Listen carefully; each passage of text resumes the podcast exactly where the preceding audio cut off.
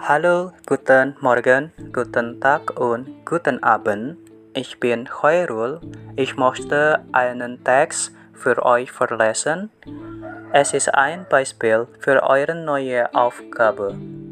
Corona-Impfstoff. Erfolgsmeldung mit Lügen.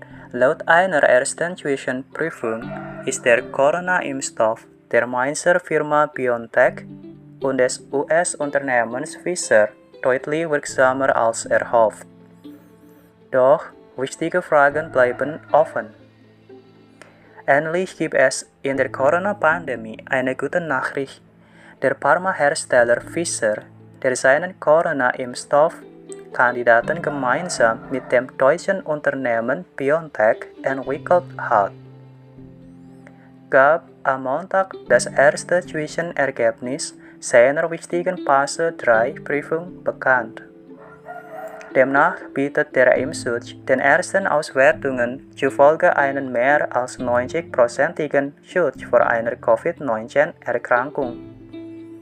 Die unabhängige Expertengruppe, die die Studie überwache, das sogenannte Data Monitoring Komitee DMC habe keine ernsthaften Sicherheitsbedenken gemeldet.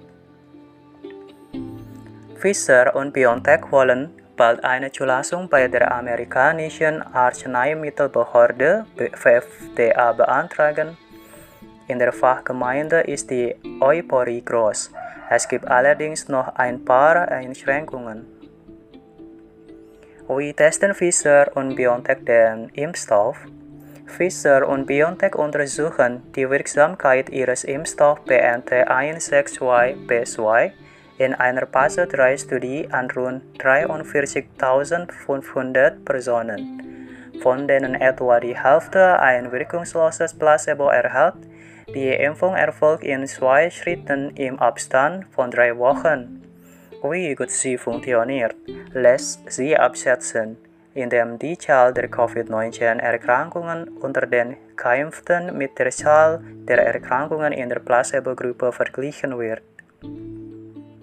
Bislang wurden in der Studie 94 Corona-Fälle bestätigt, fast alle betrafen die Placebo-Gruppe.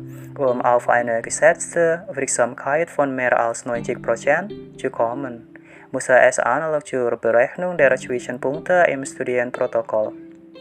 Also, den Ablaufplan der Studie äh, rechnerisch mindestens äh, 86 Fälle gegeben haben, im Gegensatz zu höchsten 8 Fällen unter den Geimpften. Fallzahlen für die jeweiligen Gruppen nannten die Firmen allerdings nicht. Der Schutz sei 28 Tage nach der ersten Impfdosis erreicht worden, hieß es. Im Wortlaut schreibt BioNTech, die Verteilung der aufgetretenen Covid-19-Fälle zwischen Impfgruppe und Placebo-Gruppe wies sieben Tage nach der zweiten Dosis auf eine Impfstoffwirksamkeitsrate von über 90% hin. Das ist eine deutlich bessere Bilanz, als laut Studienprotokoll nötig gewesen wäre, um den Impfstoff als wirksam zu bewerten.